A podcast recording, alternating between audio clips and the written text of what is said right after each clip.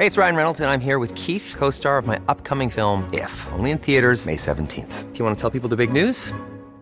All right, I'll do it. Sign up now and you'll get unlimited for $15 a month in six months of Paramount Plus Essential Plan on us. Mintmobile.com slash switch. Upfront payment of $45 equivalent to $15 per month. Unlimited over 40 gigabytes per month. Face lower speeds. Videos at 480p. Active Mint customers by 531.24 get six months of Paramount Plus Essential Plan. Auto renews after six months. Offer ends May 31st, 2024. Separate Paramount Plus registration required. Terms and conditions apply if rated PG. Why don't more infant formula companies use organic, grass fed whole milk instead of skim? Why don't more infant formula companies use the latest breast milk science? Why don't more infant formula companies run their own clinical trials? Why don't more infant formula companies use more of the proteins found in breast milk? Why don't more infant formula companies have their own factories instead of outsourcing their manufacturing? We wondered the same thing. So we made ByHeart, a better formula for formula. Learn more at byheart.com.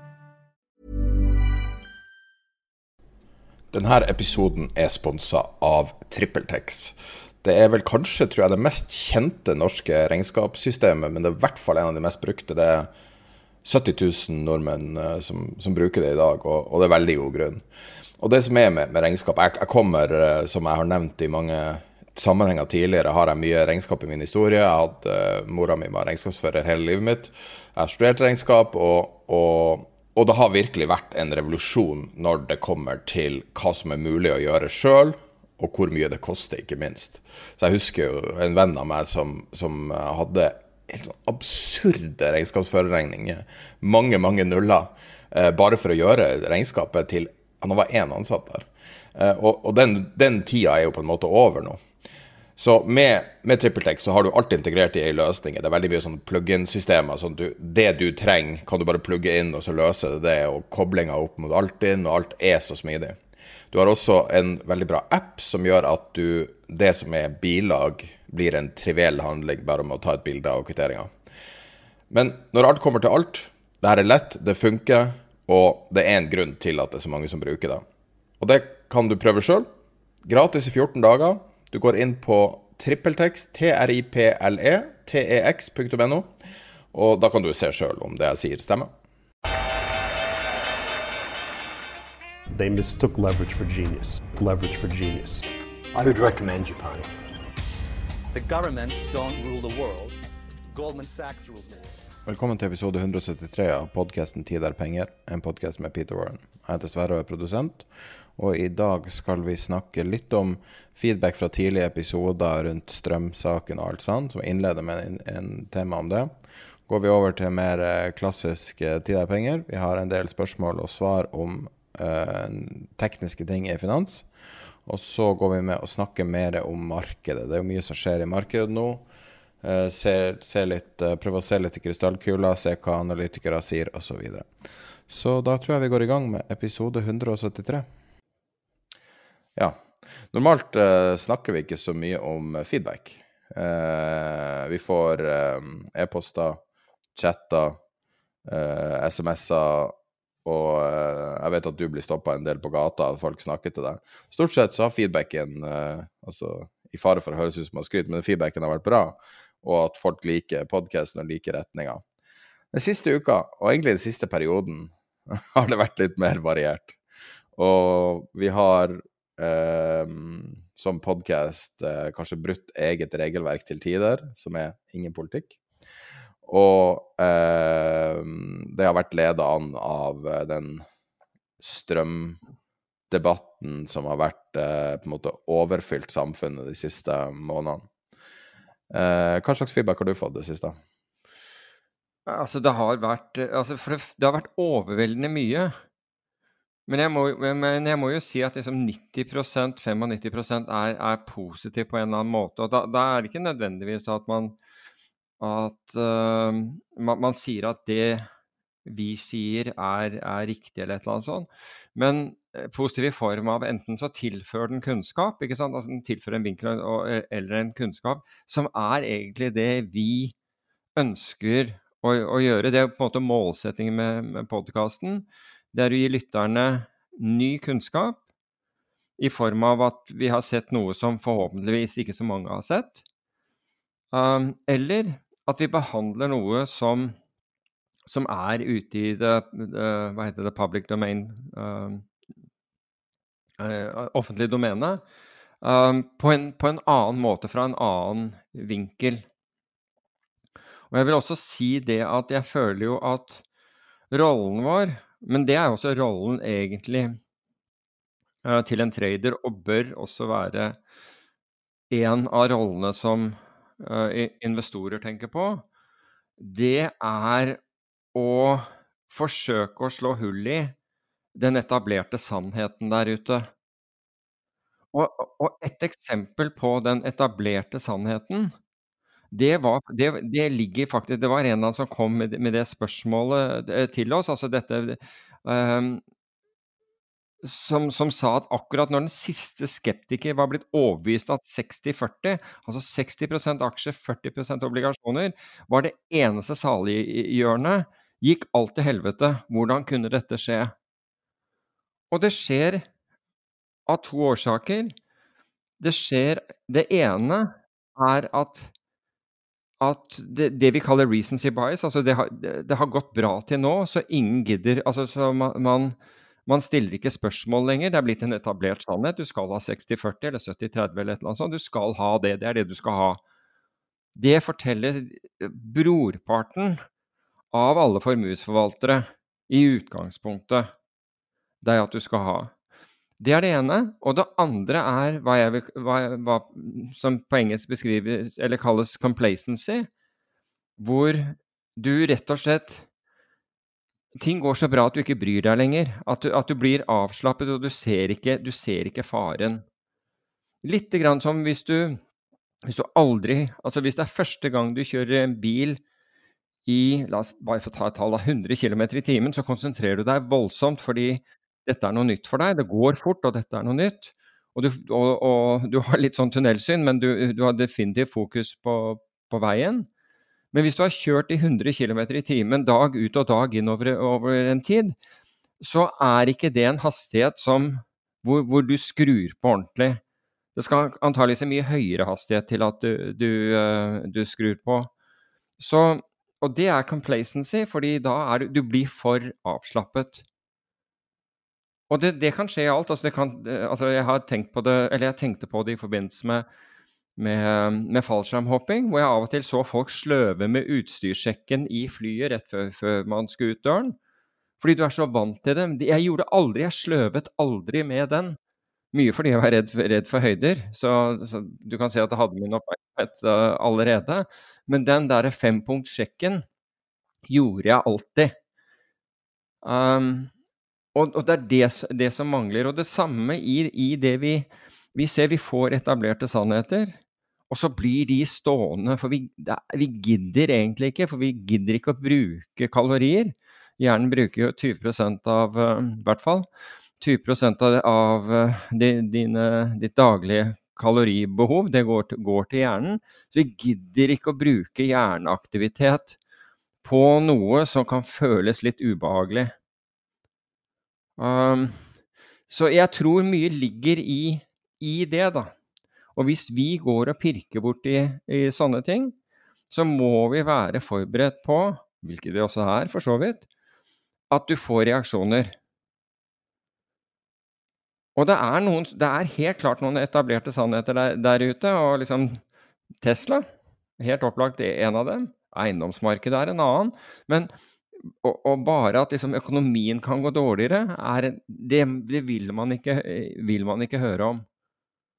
Men vi går ikke inn i de debattene eller med de meningene for at ut av ondskap Vi går inn i disse for vi, vi forsøker å stille spørsmål. Vi forsøker å lære.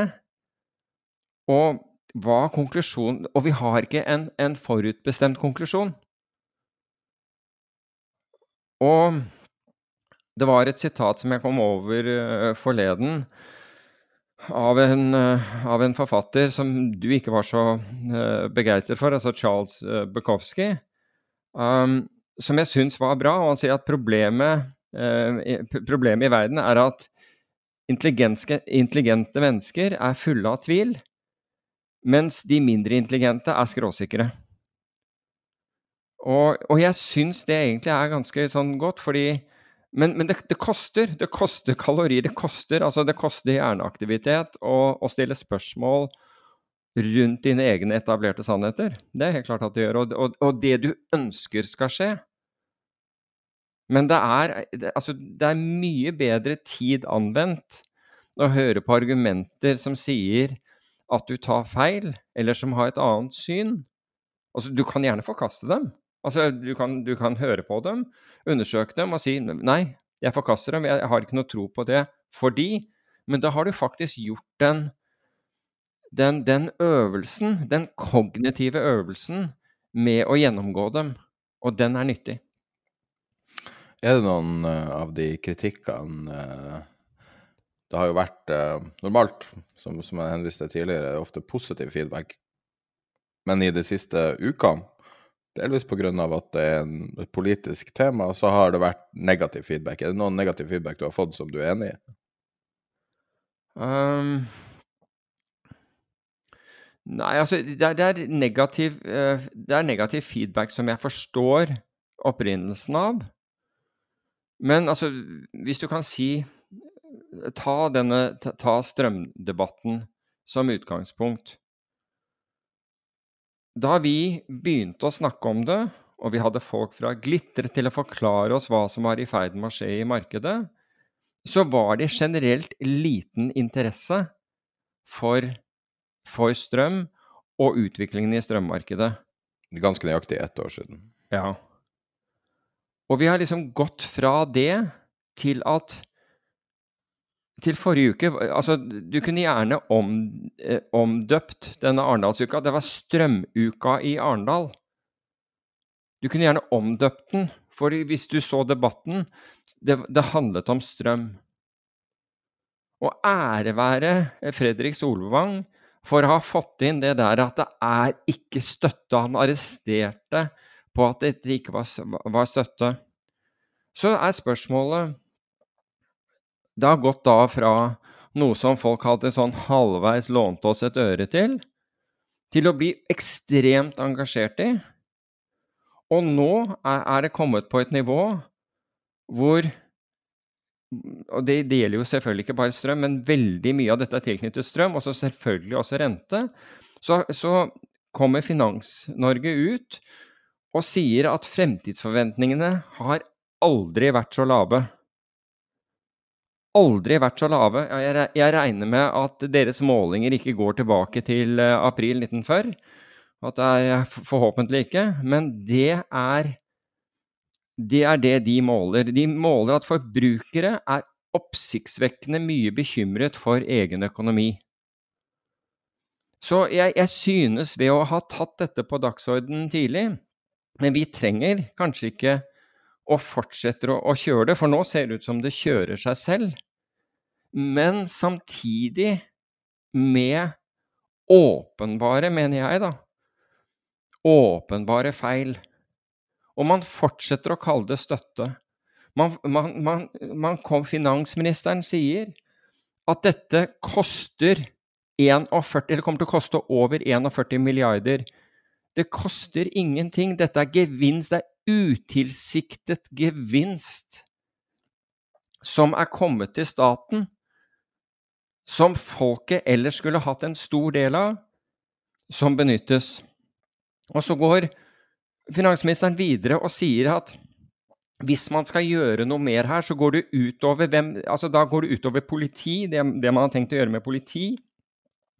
U, altså styrking av politi og helsesektor osv når gassinntektene til Norge alene dekker utgiftssiden på statsbudsjettet? Altså, Hvordan er det mulig å få lov å, at, at, man kan stå og, og si disse tingene uarrestert? Jeg syns det er helt utrolig. Og de tingene føler jeg fortsatt at vi kan påpeke. Men det er ikke nødvendig for oss å si at i dag er strømprisen høy.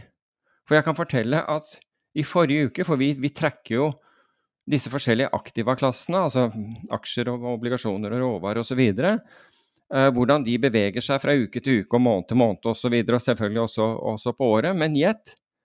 Nordiske kraftpriser hadde den største oppgangen sist uke av, av alle aktiva. De var opp 19 Og så har du gass i, eh, i, i, eh, i Storbritannia og, og, i Europa, som var opp ca. 12% og karbon, altså vi har snakket om dette her å kunne investere i disse karbonsertifikatene. Og der finnes det ETF-er som vi har nevnt tidligere, var opp 9% den, den uken. Og Så kan jeg godt ta den andre siden av, av, eh, av, av skalaen, altså hvor eh, Der var det Galaxy Digital, altså dette, dette kryptoinvesteringsbanken eiet av John eh, Novogratz. Eller den er jo børsnotert, som var ned 16% Bulkratet var ned 14% Det finnes også en ETF for den. Og ARK og bitcoin var ned 10 bare for å ta hele, hele greia.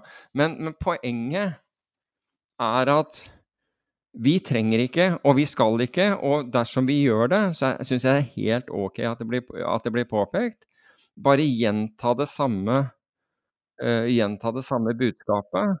Men der hvor, hvor, vi ser at det virker som det er huller eller misinformasjon som gis, og det ikke umiddelbart blir, blir påtalt En annen ting var at finansministeren brukte altså, ble konfrontert med eh, forventningen til inflasjon, som han sa ikke ville overstige 4% som ville bli på 4% i år. Og vi vet at det er helt spinnvilt, og vi visste det den gangen. De påpekte den gangen.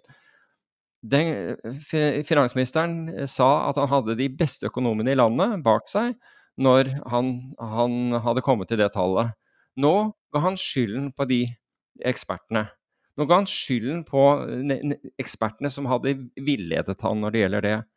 Men han vil allikevel fremover at vi skal høre på hans nye eksperter. Og det, det, blir for meg altså det blir en kognitiv dissonans når du akkurat har sagt at ekspertene kunne ingenting. De var helt på jordet. Men jeg vil at dere skal stole på meg nå, fordi nå, nå, nå hører jeg på eksperter igjen.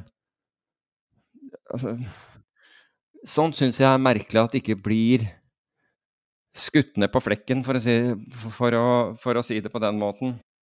Men Altså, det er ikke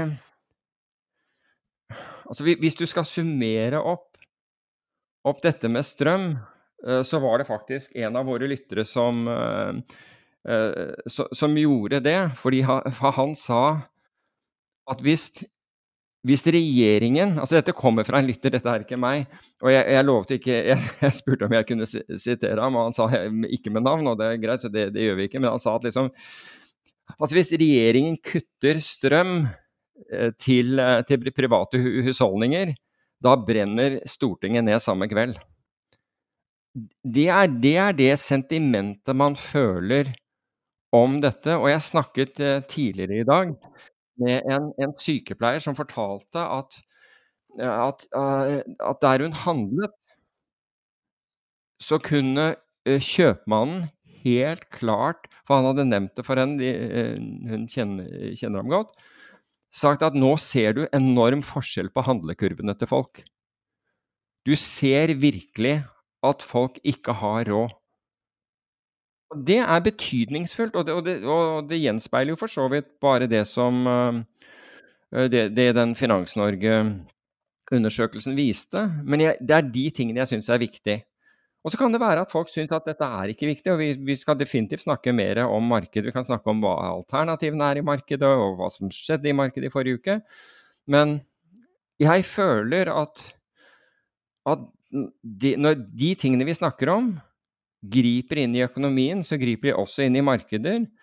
Og det gjør dem, det gjør dem relevante. Det behøver altså det behøver ikke og, altså det er ikke eksklusivt til strøm. Er, vi har vært innom geopolitikk, vi har vært innom sikkerhetspolitikk, vi har vært innom uh, psykologi, i tillegg til markedene. Men, men, jeg har to innspill på strømsaken som er en litt annen innfallsvinkel. Kom igjen. Eh, fabrikker begynner å stenge. Så i ja. Tyskland og i Kina har de, stengt, har de stengt Ja, i Norge. Har de stengt ned fabrikker eh, som allerede begynner å presse supply chain, som har vært pressa i flere år. Og eh, i enkelte regioner i Kina så må de eh, slå av lyset, altså stenge fabrikken for å holde på lyset i eh, vanlige leiligheter. Og vi er fortsatt i august, eh, når eh, strømforbruket er relativt lavt sammenlignet med vinteren. Og det som er interessant her, er jo at eh, man kan snakke om sin egen strømregning, man kan snakke om Norge, man kan snakke for så vidt om REC også. men når man ser på på liksom andre- og tredje reaksjonen på strømpriser, på strøm Ikke minst mengde som er tilgjengelig, så ser du at alt går på strøm. Hele verden går på strøm. Og strøm, eller i større tanke energi, er på en måte det som Altså, det er det som er økonomi. Det jo, har jo vært en sånn teknologi i veldig mange år at strøm eller energi er eh, økonomi. Og sånn som eh, så belasta som økonomien har vært i, i innledning til denne vinteren, som sannsynligvis kommer til å bli litt annerledes enn tidligere vintre, eh, så det, kan det være greit å ha uh, i bakhodet at alt går på strøm. Absolutt alt. Mm. Og i august begynner vi å se Baltikum nådde de teoretiske maksprisen i Europa i forrige uke. Uh, som tilsvarer at å lade en elbil er en 3000-4000 kroner. Uh, og i praksis betyr det at de ikke har mer strøm. Hvis du når den maksprisen, da er du tom. Sånn at det kan være verdt å tenke litt på hva som er knock-on-effekten av de her altså, Og da er det ikke prisen som er viktig, da er det mengden strøm tilgjengelig i systemet. Ja, altså, jeg, jeg, kan jo ikke være uenig med deg, for jeg er opptatt av de samme, de samme tingene. Og og du kan si på, på den overveldende responsen så er det stadig flere som, som innser at dette her har stor, stor betydning. Så, men altså, vi, vi, ønsker å snakke om altså Absolutt. Altså, måtte leve for å, å, å, diskutere finans i alle sine, i alle sine aspekter og, og, vinkler. Men dette griper inn på så mange, mange ting. ikke sant? Altså det griper, altså Nå har man et gassmarked ute av kontroll. og Så kom det for øvrig en newsflash nå som sier at i praksis så har markedet sluttet å fungere. Eh, og eh, altså Én ting er jo markedet, men altså lagrene er tom. Tyskland akkurat nå har tre måneder gass igjen på lager. Det betyr at de har gass nok til ca. november. Hvis de ikke får tilførsel fra LNG, ja. Og Nord Stream 1 er slått av nå for ja. en, ny, uh, en ny sånn uh, uh, maintenance, eller kanskje gjennomføring av den andre maintenance. Jeg ikke helt sikker. Nei, jeg tror altså det, det, der er som det er. Jeg tror ikke noen tror at det der er maintenance heller. Men det, men det er whatever. Det er som det er, liksom. Så spørsmålet da er kommer den gassen på igjen. Den kom på forrige gang, men på veldig lavt nivå. Eh, gassprisen allerede før det her tilsvarte en oljepris på 400 dollar fatet i Europa. Ja. Og med 150 dollar fatet eh, tidligere, altså eh, finanskrisa, da knakk ryggen på veldig mange. Eh, en annen ting som man ikke snakker så mye om, som vi snakka om litt tidligere, er diesel. Og Eh, eksperter frykter at det blir dieselmangel senere i år, på tampen av året og starten av neste år. Mm. Fordi at Russland, det vi har snakka om tidligere, det er vakuum-gassoilen som kommer fra Tyskland, som er delaktig i produksjon, nei, Russland, som er delaktig i produksjonen av diesel, og generelt at dieselbehovet er stort fordi at folk bytter ut gass med diesel for å holde fabrikker og andre ting i gang. Ja, altså det, det, er ikke noe tvil om altså det, det, er ikke noe tvil om at vi går, en, uh, går, går tyngre eh, tider i, i møte. Altså, men samtidig, altså vår Det føler jeg er ganske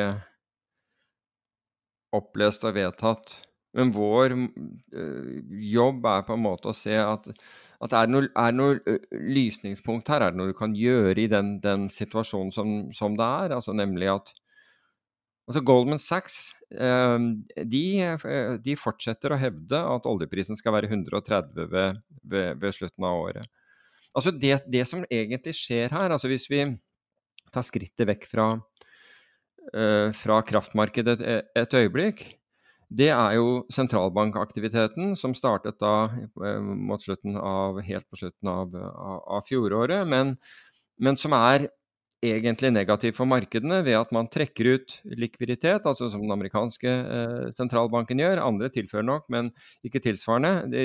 Man trekker likviditet ut, og man øker rentene. Og du kan si at det var noen norske økonomer, nå husker jeg ikke, det, jeg, jeg tror det var to kvinner. Jeg beklager at jeg ikke husker navnet, fordi jeg liker å referere til hvem det var. Men de mente og, og nå kom jeg inn på strøm igjen, men, men i et mer makroperspektiv. De mente at uh, man ikke skulle gi støtte til bedriftene, at strømprisene var, var Altså, de fikk gå som de, de, de gikk. Og fordi de robuste ville overleve. De som da hadde skjøttet sitt bo, ville klare det. Og jeg syns det, det, er nesten besynderlig at du tar den nå. Altså den, den, kunne du, den, kunne du, tatt rett altså nå som dette har skjedd pga. et politisk tiltak, eller politisk, altså, nemlig med å eksportere eh, strømmen, som da på en måte ikke lå i, i, de flestes forutsetninger, og definitivt ikke hvordan dette her kunne gå. Men hvis du skal føre, altså hvis du skal kjøre den linja, hvis du skal kjøre den der linja at alt kan skje, så du må være forberedt på det. For det første hvis vi gjør oss forberedt på det, nemlig at vi sparer pengene våre, vi tør ikke å bruke dem, vi, vi ønsker da å ha en, en, solid buffer på konto, så straffes du for det ved formuesskatt. Så no, du får ikke noe incitament til å sitte med penger klare til å håndtere en, en krise. Nei, da du, du, får faktisk en straffeskatt hvis du gjør det. Men se bort fra det. Hvis vi skal gjennomføre det, så, så, så vil jo ikke strøm være eksklusivt for det. Altså, hva er Altså, du, du, kan si at i øyeblikket så regner man at norsk inflasjon, hvis du ikke hadde hatt strømstøtte, ville være på 8,9% Ok, Så hvis du følger den der, altså at renten Altså, ingen låner ut penger til under Egentlig til, til under inflasjonen, fordi da låner du til negativ realrente. Det er ikke smart. Ok, Så hvis du sier at den er 9% se for deg en renteheving til 11 At vi kommer i september, og så sier Ida Wolden Bakke at uh, nå skal dere høre, renten heves nå til 11% og så ser vi hvem som klarer seg. Se for deg, se for deg hva som ville skje. Hvis du hadde hevet den brått til 11% så kollapser ting. Altså, er, altså vi bygger et i og med at, vi, at denne velstanden vi har, og den velstandsøkningen vi har hatt, er bygget på gjeld, så har vi egentlig bygget et korthus. Og det å foreslå at kraftige økninger i kostnader, være seg at det kommer fra sentralbanken, eller kommer gjennom uh, gjennom, gjennom, kraft og, og, energi, ikke skal ha noe effekt på det, det er utopisk. Så hvis vi skal gå den veien, og på en måte purge the system, renske ut systemet, så er det bare for Ida Vollen Bakke å heve den til 11. Pang! 11% og så ser vi hvor mange 11 rente? Ja. Ikke sant? Altså, hvis du sier at, at reell inflasjon er 8,9 du, du, ønsker da å ha du, Ja, fordi altså Det sentralbanker gjør, og vil gjøre i denne omgang også, det er at målsettingen deres er å knekke inflasjonen. Men utfordringen deres er å knekke inflasjonen uten å knekke økonomien. Og dessverre er det slik at veldig ofte så knekker man begge deler.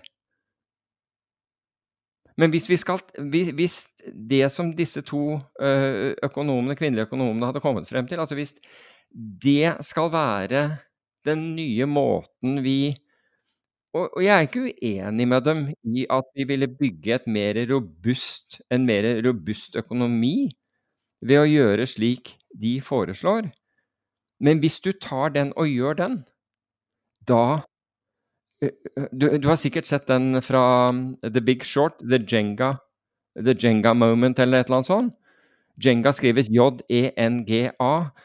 Uh, ta og Google, uh, gå på, på, YouTube og så Big Short uh, Jenga, så får man se den, den scenen som for øvrig er, er, morsom.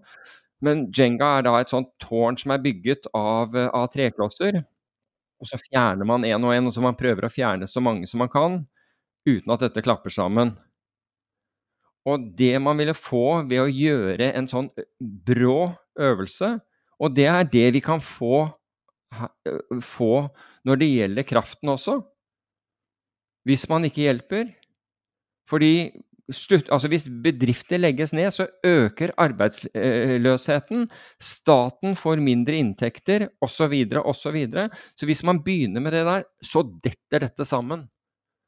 Og hvis det er slik at vi har tenkt å At det er politisk stemning for å lage et mer robust system, så må, ta, så må dessverre det gjøres veldig forsiktig. Ellers så Fordi systemet er bygget på gjeld. Og gjeld er kostnader, og øker du kostnadene dramatisk, være seg gjennom rente eller gjennom skatter og avgifter og, og råvarepriser, så skjer det noe. Da skjer det noe, og det er ikke pent. Skal vi si at vi har uh, prøvd å uh, oppsummere litt hva som uh, hva som er situasjonen i strømmarkedet nå, litt tilsvar til diverse tilbakemeldinger, og at vi går videre til spørsmål og svar? Det kan vi gjøre. Så vi har fått noen spørsmål inn siden uh, forrige uke. Det er en lytter, eller egentlig ganske mange, som virker å være investert i uran, som var veldig populært for et år siden. Så en lytter som investerte i uran, og spør om eh, Så produksjonskostnader for gruveselskaper ligger på rundt 70 dollar per pund. Dagens pris er ca. 40 dollar, og det brukes mer enn det produseres. Og han lurer på hvorfor ikke prisen går opp. Altså, jeg skjønner de som, som investerte i uran for, uh, for, et år siden, fordi det virket da altså, hvis, du, hvis du kunne se for deg at ville bli, at det ville bli færre energikilder, um, så var det på en måte et, et, logisk valg. Men i mellomtiden så har det jo skjedd ting. altså Blant annet, altså, hvis, hvis du ser Det er jo USA tror jeg, som er den største forbrukeren av uran. Deretter, og deretter er det Frankrike.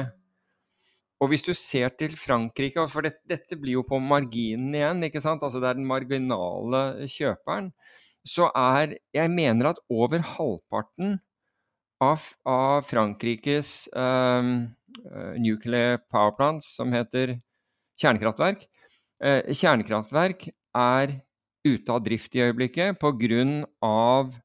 vedlikehold, pga. korrosjon og utfordringer når, når, det gjelder kjølesystemene deres. Så du har tatt en major player ut av markedet, eller i hvert fall over halvparten av det konsumet som denne major playeren uh, har, altså med andre ord Frankrike. Og det har vippa denne skålen negativt. Så etter min oppfatning så altså jeg, som, som, sagt, jeg, jeg skjønner rasjonalet bak den, men ting har skjedd underveis her nå som, som definitivt har forsinket denne etterspørselen, altså etterspørselssiden av, av, denne kurven. Og jeg tror det er det som, det er, det som er utfordringen her. Fordi altså mengden altså, det, er, det er fortsatt Kasakhstan Hva er det for noe? Kasakhstan, Canada og Australia eller noe sånt noe, som er de store uh, produsentene. Hvor, hvor, hvor, uran finnes. Um, men mens, mens, Frankrike er en, er en, en veldig stor um, forbruker av det. Så min Altså, men bare så det er sagt, altså topprisen Altså Nå snakker vi om at, uh, at prisen på uran er i underkant av, av, av 50 dollar pundet. Uh, den topptikka jeg husker, jeg tror det var i var det andre kvartal 2007 eller noe sånt, så, så topptikket den rett under 150 dollar. Um, så, så, det er langt opp, da. Altså, hvis man sier at um, at den fortvilelsen som er nå, vil, få, vil, vil, vil gjøre at man etablerer nye kjernekraftverk. Ikke utenkelig. Så, så er man for så vidt godt, godt posisjonert for det, da. Kan jeg stille et spørsmål? Ja. Hva er statusen mellom Ukraina og Russland? Altså statusen i, i øyeblikket Altså det jeg tror er den Altså hvis, hvis, du ser bortsett fra bomben i Moskva som uh, i, i, helgen, altså hvor, uh, hvor datteren til denne, en av sjefsideologene, virker det som, uh, til Putin ble drept Hvis du ser bort fra den, så, er, så har jo balansen The balance of power i, i Ukraina skiftet noe med spørsmålet om, om hva, hvilke type våpen er det som Ukraina besitter som har, har denne overraskende lange rekkevidden? Og hvordan Hva er det som skjer der, rett og slett? Hvordan, det, det gjelder jo ikke bare å ha våpnene, men du skal ha trent personell. Du skal ha, du skal ha uh, avansert targeting av, uh, av disse, av disse våpnene. Men vi, det er vel, eh, hvis jeg ikke tar feil, så er det nå til sammen tre angrep som har skjedd uh, mot uh, Krimhalvøya, eller på Altså hvor, hvor nedslag på, på, på, Det er i hvert fall en tre nedslag, men, uh, men tre angrep mot, mot Krimhalvøya. Og det tror jeg i øyeblikket er det, er det store spørsmålet.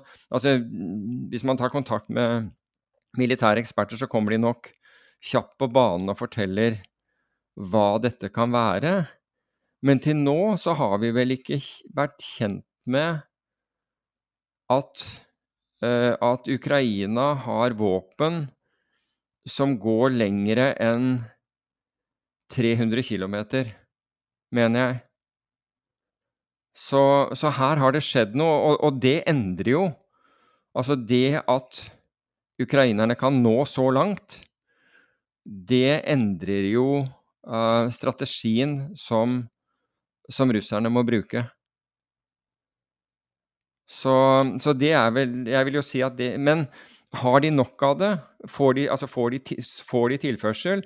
Jeg mener at um, president Biden undertegnet en ytterligere en, en, en våpenstøtte til Ukraina nå i helgen. Så det er, ingen, det er i hvert fall så langt ingen tegn, i hvert fall fra USAs side, eller ikke fra, fra den europeiske, at, at, at, motstanden her og, og hjelpen um, er i ferd med å avsluttes, for å si det på den måten. Snarere tvert imot. Tilbake til lytterspørsmål. Er det et enkelt, enkelt og vanskelighet? Hva er egentlig en investeringsbank? Um, en, en investeringsbank er jo er jo et meglerhus pluss, egentlig. Altså hvis du ser på um, banker som Ta JP Morgan, det er jo en bank, men det har også en, en, en stor investeringsbankdivisjon. Og investeringsbankdivisjon vil jo da være eh, markedsoperasjoner hvor, hvor, man kan betjene kunder. Og hvis du ser det til, til Norge altså, eller den, den, egentlig, nei, Norge er ikke et godt eksempel. fordi hvis du ser på de utenlandske investeringsbankene, så har de selvfølgelig corporate finance. Altså de, de skaffer kapital i forbindelse med emisjoner, og de legger ut, eh, de legger ut emisjoner. De driver rådgivning. De, men de, samtidig så handler de alle mulige instrumenter. Altså de tilbyr alt. De tilbyr aksjer, obligasjoner, valuta, råvarer, krypto alle former for, eh, for derivater.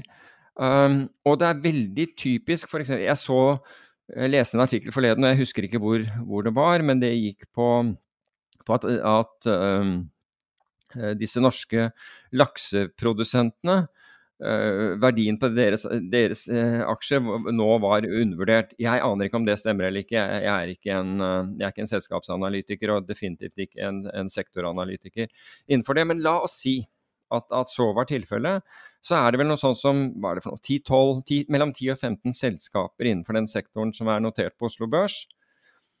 Og det er klart at det er vanskelig å velge da hvilke selskap velger du av, av disse, eller hvilke selskaper. Men hvis du hadde gått til f.eks. Morgan Stanley og sagt at jeg er interessert i en total return swap, altså en future, tilsvarende en future-kontrakt, bare at den er um, skreddersydd, på disse tolv disse, eller ti eller tolv, eller hva, det er for noe, dette, dette antallet Du kunne velge dine hvilke du ville ha. Så ville de laget en swap hvor du kjøpte alle på én, altså med én handel. Og da vil, da vil den swappen din bestå av en kurv av slike. Og de ville, kunne, de ville eh, utstede opsjoner på det, altså, eller laget opsjonsmarked rundt det hvis du, hvis du ønsket osv., slik at du kunne handle ikke bare dette som en total return swap, men du kunne handle f.eks. kjøpsopsjoner på en sånn kurv eller et eller annet sånt. Det er det investeringsbankene gjør. De trader i kreditt, både long og short, altså gjennom kreditt, credit default swaps, tilbyr alle disse instrumentene. I Norge kaller de seg investeringsbanker, men driver egentlig aksjemegling og, og corporate finance. Altså salg av Altså selger seg inn til, til bedrifter som, som, skal ha kapital. Så i Norge så driver man investeringsbank light light i forhold, til, i forhold til de store investeringsbankene ute, for å si det på den måten. Men de norske tjener feminalt med, med penger på, på å ikke tilby alle disse servicene. Så hvis du kan tjene fryktelig mye penger på å ha, ha lite an, relativt lite folk ansatt, så er det sikkert det, det, det er greit også. Men det, det er, de, gjør, de, gjør, mye mer for deg. Og du kan diskutere alle mulige ting. De har eksperter på alt i disse investeringsbankene. Og, og de aller fleste, det vil jeg jo si at analytikerkorpsene der, sånn, det, de er du, du, blir ikke analytiker der hvis du ikke er flink, for å si det på den måten. Det gjør du ikke. Så Nytt spørsmål. Hvordan beregnes VIX? OK. Um, altså VIX er da Måler opsjonene på SMP 500. Opprinnelig så målte det Uh, ikke på SMP 500-aksjene, men på OEX 100, som er liksom 100 av SMP 500-selskapene. Men jeg husker ikke hvilket år det var hvor, hvor de gikk over til å, til å være SMP 500-opsjonene. Så den måler da variansen Altså til å begynne med så var VIX-en basert på Fordi eh, disse opsjonene på SMP 500 de hadde månedlig forfall, men nå har du ukentlig forfall. Nå er det til og med daglig, tror jeg. Men, men nå på Nå måler man både de ukentlige opsjonene og eh, de månedlige opsjonene. Altså de som har ukentlig forfall, de som har månedlig. Så når den ukentlige har tre dager igjen, så, så måles den fortsatt, fordi den er en ganske likvid kontrakt. Man måler da både kjøps- og salgsopsjoner eh, som er in the money og out of the money og, og, og, og at the money, slik at man, man, måler variansen på alle disse opsjonene som en form for, for å lage en indeks. Utfordringen din er at du kan ikke kjøpe og selge den viksen som Uh, som, altså Hvis du ser bare, ta, bare bokstaven VX, den får du ikke kjøpt og solgt. Du får, kjøpt, du får kjøpt og solgt en termin på den. Og det gjør at det avviker noe i pris. Den, terminen avviker i pris fra den Spotvix-kontrakten. Så det, det, man gjør, er å ta variansen fra alle disse, slå, slå, det, eh, slå dette sammen. Ta kvadratroten av det for å finne det årlige standardavviket ganger det med 100, og det er det tallet du ser. Så hvis viksen er 16, så betyr det at i to av tre eh, tilfeller så vil SMP Så, så priser opsjonsmarkedet at, um, at SMP 500 vil svinge eh, innenfor 1 opp, opp eller ned. Så jeg, jeg, håper at det der Altså, jeg, vi kan godt uh, Vi burde hatt det, det, i den Vi kunne tatt formelen egentlig i vår egen uh, vår egen eh, Finansopedia for, for, for de spe, spesielt interesserte. Men poenget mitt er at hvis du skal handle Altså, det er greit å se på viksen som, som om du ser på temperaturene, altså som du ser på, på været, ikke sant. Altså i dag er det kaldt, altså viksen er høy, eller i dag er det varmt, ikke sant, viksen er lav. Og det, og det forteller deg litt om forventningen til, til svingninger. Men hvis du har tenkt å investere på basis av det, så er kaviatet, altså her må kjøperen være obs, at du da investerer på basis av en terminkontrakt på, på VIX. Og de to vil kun stemme overens idet terminkontrakten forfaller. Da vil, de, da, da vil, prisen på de to møtes. Uh, ble det der for vanskelig? Nei, det er viktig. Vi snakker jo om VIX um, som om alle skjønner hva det er og har en dyp forståelse av det. Uh, det er vel ikke uten grunn til at avisene kaller det for fryktindeksen, for å forenkle det litt. Altså, må, Du kan jo si det, ikke sant, i og med at den måler svingningen. Den måler de forventede svingningene over de neste 30 dagene. Det er den ment å gjøre.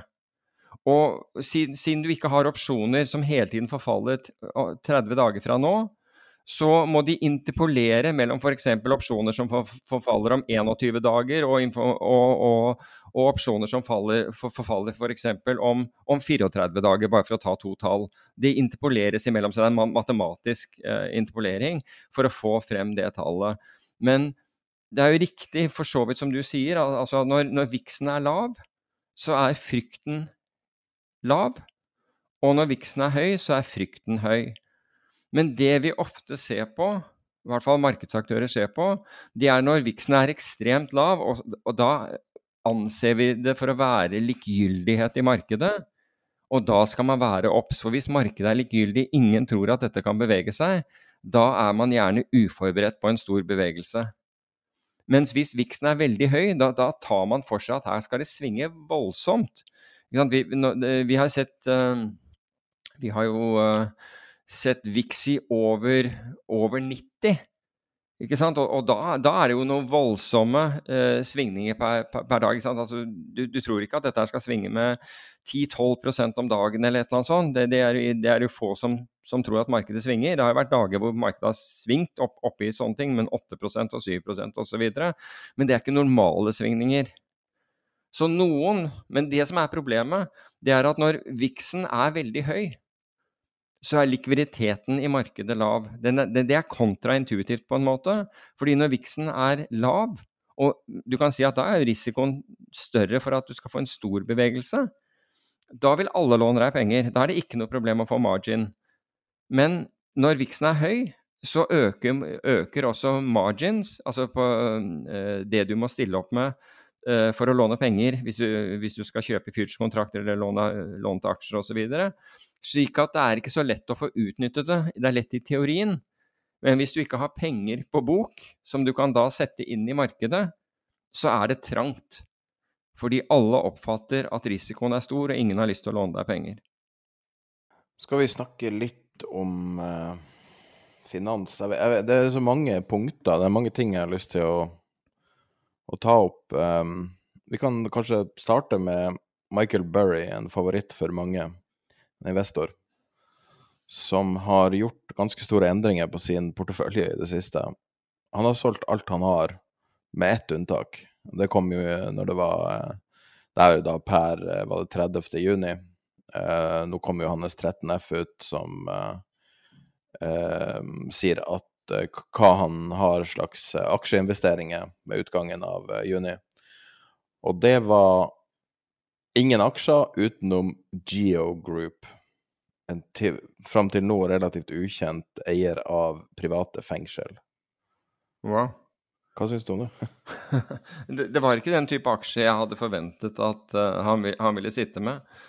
Men det er jo slik at i USA så er, har man jo privatisert uh, mange av disse, disse, fengslene. Jeg vet ikke om det er Supermaxen er, er privatisert, men nå har ikke jeg sett hvordan, hvordan, det har utviklet seg på børs, men, men Michael Burry uh, Jeg vet ikke. Jeg, er overrasket over at han, at, at han er i den sektoren, for å si det på den måten. Forklaringa han har angivelig gitt, nå, jeg er ikke helt sikker på, er alle de nyansettelsene som kommer i IRS, altså de amerikanske skattemyndighetene. Og at de forventer mye folk i fengsel, og han er vel relativt bearish når han ikke eier noe, for normalt har han jo mange investeringer. Men uh, han har nå en egen uh, evne til å ha rett om mange ting, så gud vet. Mm. Men han er jo notorisk veldig, veldig negativ hele tida. Men uh, litt positiv ting, da, for kryptoverden Ethereum blir mer miljøvennlig. Okay. Går fra proof of work til proof of stake. Det, største, det er vel en av de største hendelsene i Ethereum sin historie. Som er The Ethereum Merge, som nå eh, skjer eh, rundt 15.9. Men Ethereum har jo også outperformed eh, bitcoin i, eh, i den senere tiden også. så Det kan, jeg går ut fra at det har noe med det å gjøre. Har du noen formeninger om det utover det? Nei, e egentlig ikke. Altså jeg, altså, jeg har jo krypto som en, en aktiva-klasse, men uh, som, som du vet, og som vi, vi, La vi den ut på, på, på nyhetsbrevet da jeg ref, refererte den, det er jo en del uker tilbake, hvor jeg har sett på utviklingen i bitcoin i forhold til utviklingen i SMP 500. og og bitcoin har liksom på, på, etter min oppfatning har, en, har hatt en sånn en signalverdi da, i forhold til hva som, eh, hva som er i ferd med å eh, skje i aksjemarkedet. Men det følger jo til en viss grad aksjemarkedet, gjør det ikke det? Jeg ser jo eksempel, Hvis du overlayer ARK og den, så er det vel ganske likt. Har ikke forsøkt å gjøre det, men det tror jeg også at, uh, at det gjør. Men, og det er jo rett og slett fordi så mye av aksjemarkedet gikk, til, gikk den veien, altså gikk da til, eh, til disse, disse vekstselskapene. Og fra vekstselskapene, de som ville ha enda mer krutt, uh, investerte da i, i krypto.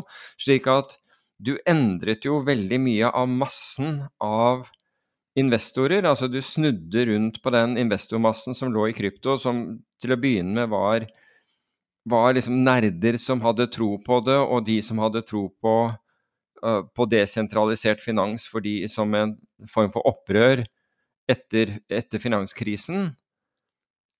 Eh, de ble, etter, de ble liksom gradvis, og så i, i økende grad, utvannet av memstock-type in investorer.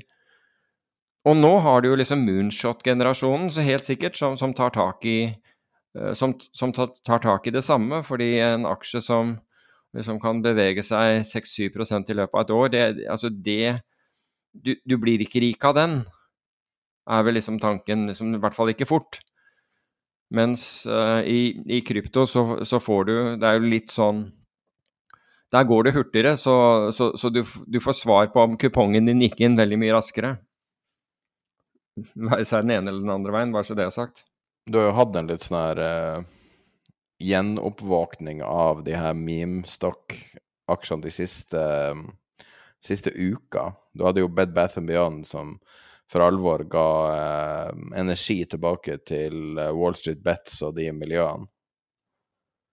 Eh, Ja. Og du ser jo noen store bevegelser. eh, Men, men den, den situasjonen, altså det som skjedde rundt der, og han som ble milliardær der, altså han unge som ble det Det, det, er en er, det er en ålreit story, men når du klarer å låne Altså hvis du som retail-investor, altså småsparer, klarer å låne deg opp Klarer å låne 270 millioner kroner, altså tilsvarende, da, 27 millioner eh, eh, dollar, for å plassere i et enkeltselskap Altså Hvor lett er det for en enkel Altså en enkel investor å gjøre det? Jeg ville trodd at det der var svært vanskelig. Ja, altså, jeg, jeg snakket med venner og noe øh, Gikk til noen venner og noe familie. Ja, ja. Hvis, du har Getty, hvis det er Getty-familien vi snakker om, så skjønner jeg liksom Skjønner jeg muligens at, at, at pengene er er der, men ja, det var Men det er jo også underliggende kvalitet i aksjer. Nå har du jo AMC som eier masse kinoer, som man kan si er en uh, mindre relevant forretningsmodell enn uh, en det var tidligere, kanskje. Og over helga nå så har eh, amerikanske en annen kinokjede som heter Regal Cinemas eh, sagt at de sannsynligvis kommer til å gå konkurs, eller kanskje kan gjøre det. Og eh, i dag faller AMC masse i forhandelen, og sannsynligvis på børs i dag. Mm. Så det sier jo litt om at en av kriteriene for å kunne bli et, en såkalt memstock, er jo på en måte lav kvalitet. Fordi at du må være ganske forhatt for å havne i den pennystock-verden der ting kan bevege seg mye. Ja, det kan i hvert fall ikke være Det kan ikke være voldsom interesse for deg, for deg det, det er helt klart. Og hva det er som, hva det er som drev den, den storyen. Altså, han hevder jo at uh, han, han sto på bussholdeplassen en dag og, og av en eller annen grunn fikk greie på at, uh, at aksjen hadde begynt å gå. Og det var liksom helt tilfeldig. Altså, hvor, hvor, tilfeldig er det når du har lånt 270 millioner kroner? Du følger ikke med at du står på bussholdeplassen noen uker senere. Oi! Jøss, yes, den gikk, der. Tar du, tar du bussen hvis du har lånt 270 millioner? Ja, det, det, er også ja, når, du, ja, når, du har leverage da på puttet alt i, i, den, i dette bed and god knows hva den het, så, så, har du vel det. Men jeg vet ikke. Da. Kan ikke du bruke en av de millionene til privatsjåfør? det er ikke sikkert at investorene dine ville synes det var, var, det rette, selv om det er mange som har gjort det der. Bernie Madoff uh, er en av dem. Uh, nå sies det jo for øvrig at uh, Diesel, David Solomon hos uh, Goldman Sachs. Altså Goldman Sachs hadde aldri hatt egne privatfly. De brukte nettjet hvis altså ledelsen trengte, trengte, det. Men David Solomon han var overbevist om at uh, det var dårlig anvendt tid, så han kjøpte like så godt to på, på, firmaets regning, og fikk de Var til og med med på å bestemme interiøret. Nå er det fokus. Det, det er alltid eh, godt tegn. ja, jeg tenkte også det. det. det. minner meg litt om Ken Lay. Det var jo det. Ken ja. Lay sto jo han uh, styrelederen i Enron.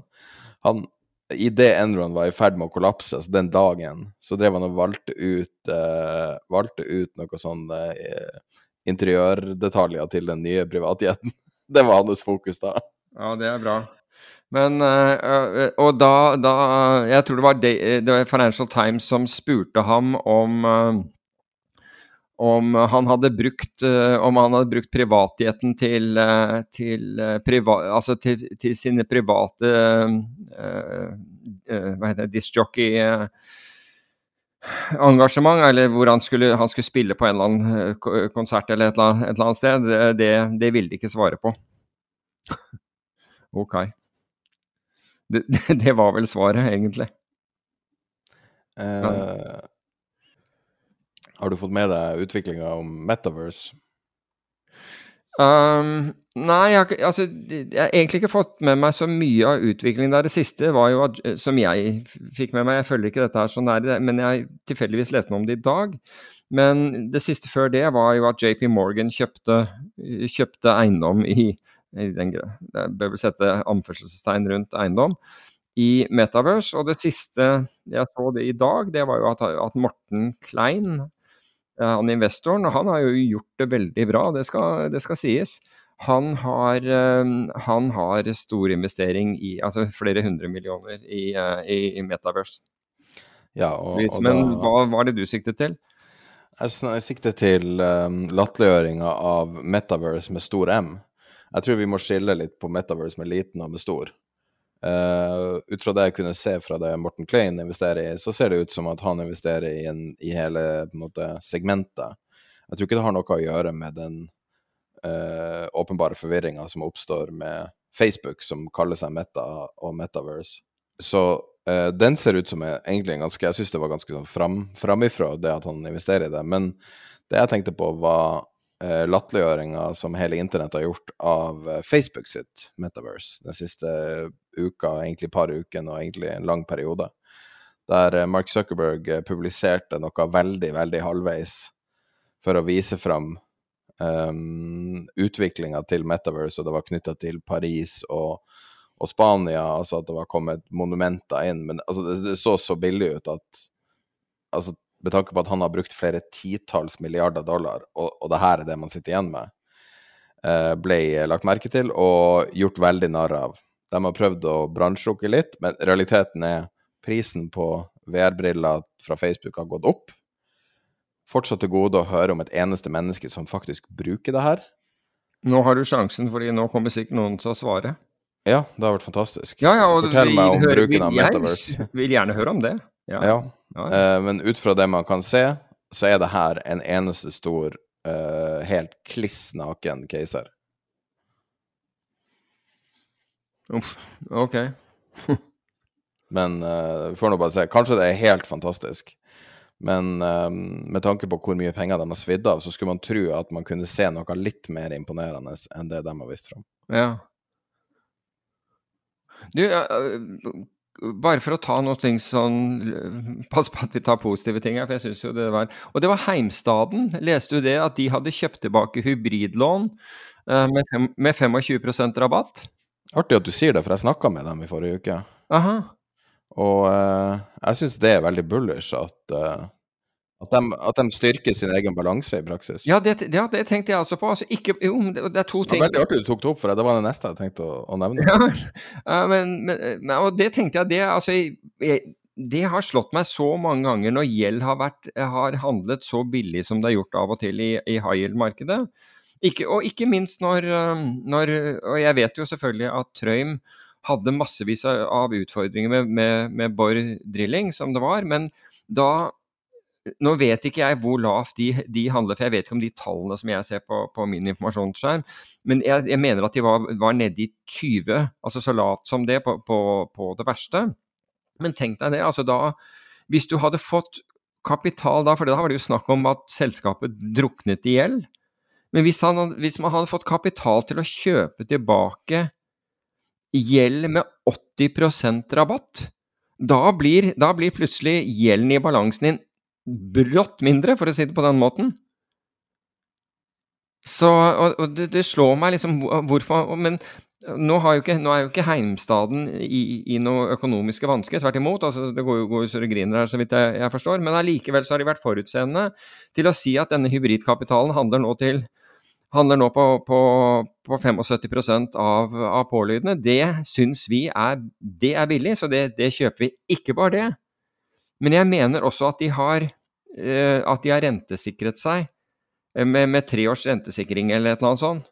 Så Men det viser jo noen som investerer i seg sjøl. Og altså både altså Heimstaden og hele det komplekset deres, altså hele konsernet, har jo i lang tid sett helt untouchable ut. Det ser jo ut som nesten den perfekte virksomhet. Jo, men jeg, jeg, har at, jeg, har, jeg, har tenkt på det der at å gud, bare vent til altså fordi Når du ser at liksom, de tar opp lån osv., så, videre, så har jeg tenkt at bare vent til liksom, hvis, det, hvis, det, snur i eiendomsmarkedet, hva gjør de? Men de har, de har Ja, men hvis det snur i eiendomsmarkedet, hva skjer da? Da må folk leie? Ja, men, men, poenget mitt er at det virker som de har sett Jo, men da kan du lett få banker og, og covenants og, og, den, og, den, type ting. Men de har, der har de tydeligvis tenkt nettopp på a rainy day på forhånd, altså. Men se på Citadel nå. Citadel i forrige uke. Ja, hentet inn eh, Men det var ikke, det var ikke så voldsomt. Var ikke det 300 millioner nå? 600 millioner dollar, men for, nettopp for å styrke sin egen balanse. Mm. Eh, fordi at de ser økt volatilitet. Og det syns jeg er en utrolig konservativ og fornuftig bruk av tid og, og ressurser. Nettopp på sånne her tidspunkt, når ting roer seg litt ned, og at du ser en potensielt turbulent tid framover i tillegg, og, og, være mer robust. Begge de to selskapene er helt forbilledlige, så vidt jeg kan se. Ja. Og det er jo to uhyre sterke selskaper i utgangspunktet. Mens vi er på liksom det positive, så har det vært en betydelig oppsving i, uh, i etterspørselen etter, etter skotsk whisky også. er det positivt? Ja, det, ja, det, det er litt usikkert, men, men, i hvert fall den virksomheten går så den griner. Vet du at den står for 75% av skotsk uh, uh, mat- og drikkeeksport? Det er skotsk whisky. Hva resten er det? Haggis? 22% av UK food and drink export. Men helt seriøst, hva er det? Altså, Skottland er kjent for den verste Altså, de spiser jo sånn deep fried Mars bar og sånne ting. deep fried Mars bar? De ja, ja. Deep fried pizza de har, Ja, sant. Mars bar? Really? Deep fried Mar Mars bar er jo legendarisk, jeg er helt enig. Ja, det, men ja. Men jeg syns det, det, var positivt. Um, men altså oppi det hele, apropos det der for folk syns at liksom, det, det, var for øvrig fra, fra, fra forrige episode. Hadde, hadde dystert um, Litt mer dystert markeds, uh, markedssyn. Altså det var ingen som, som, sa 'å, så bra', når, når, når uh, vi, vi, lå i, den, i, i de 30 prosentene. Altså når, når, det ble gjort en måling på om bunnen var, var, passert, og vi lå blant de 30 prosentene. Altså vi lå da in, under altså en tredjedel som da trodde det skjedde, og vi lå der. Da var det ingen som på, det, det, det får du ingen kreditt for. Men når du ber folk å være litt forsiktig, da, da uh, fordi, fordi du ser mørkere skyer, og markedene har tatt seg opp voldsomt, så, så, er folk på med en gang. Men da kan jeg bare da oppdaget jeg, fordi jeg begynte å tråkke gjennom dette her litt, grann, uh, at JP Morgan, um, uh, Morgan Stanley, Goldman Sachs, Bank America, UBS pluss en hel andre er på samme. De, har, de, mener at den rallyen som har vært, har vært short-in-dekking, og at, den ikke kan for, og, og, at, og at eh, verdsettelsene nå ikke kan forsvares, og man skal være forsiktig. Ja, det, du har jo den der Tactical Flow Funds, som er den, en av de mest leste rapportene fra Goldman Sachs. Ja. Den som kommer ut av den um, sales-tradinga deres, som er ofte veldig spiss um, analyse. Og, og de går ut rett ut nå på den 19., altså før helga, og advarer det som kommer, da. Og de sier at uh, eh, Q3, altså starten på andre halvår, er det beste for 60-40-porteføljen siden 1934. Uh, men nå sier de uh, stopp og, og trekk fram Labor Day som et sånt tidspunkt. Altså det er vel 6. september, tror jeg. og at de trekker fram en del eh, en del flyt som bevis for det her. Altså eh, for, Altså kjøp av aksjer som man er, har forventa. Og de sier at når de snakker med kunder, de snakker med investorer, så har tonen forandra seg totalt. Og um, there are too many bulls in the room. The most bearish crew, the most bearish crew flipped bullish for a trade. Som er da en sånn typisk kontraindikator når den siste bæren blir bull. Mm. Hvis, det ville være synd for Bridgewater hvis det er riktig at de Men altså hvis de dekket inn den, den, den, store shorten de hadde på europeiske aksjer på bunn, så er det jo veldig greit. Men den shorten var ifølge Financial Times så er den, så er den dekket inn. Den er ikke på bøkene deres lenger.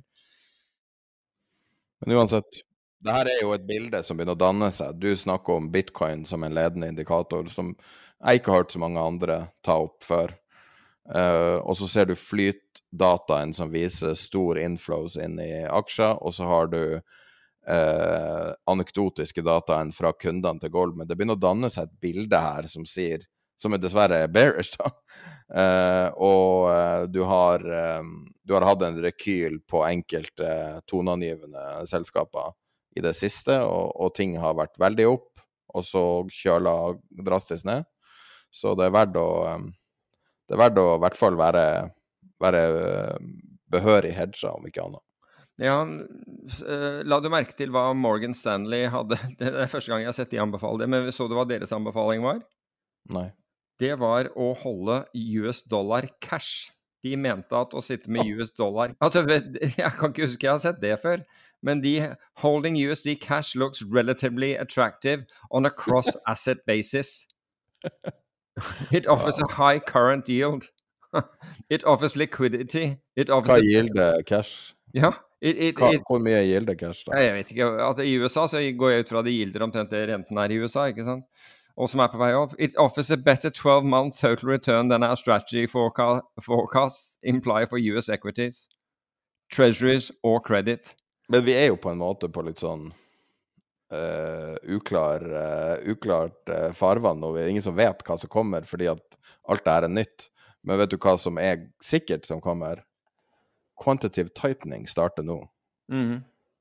95 det om, yard i måneden. Ja. Og det er det samme som at en sentralbank brenner penger, i praksis. Selv om uh, det er liksom evig uenighet om kvantitativ easing egentlig er pengetrykk eller ikke. Jeg har alltid ment at det var det, men det er veldig mye uenighet rundt det, mm. da.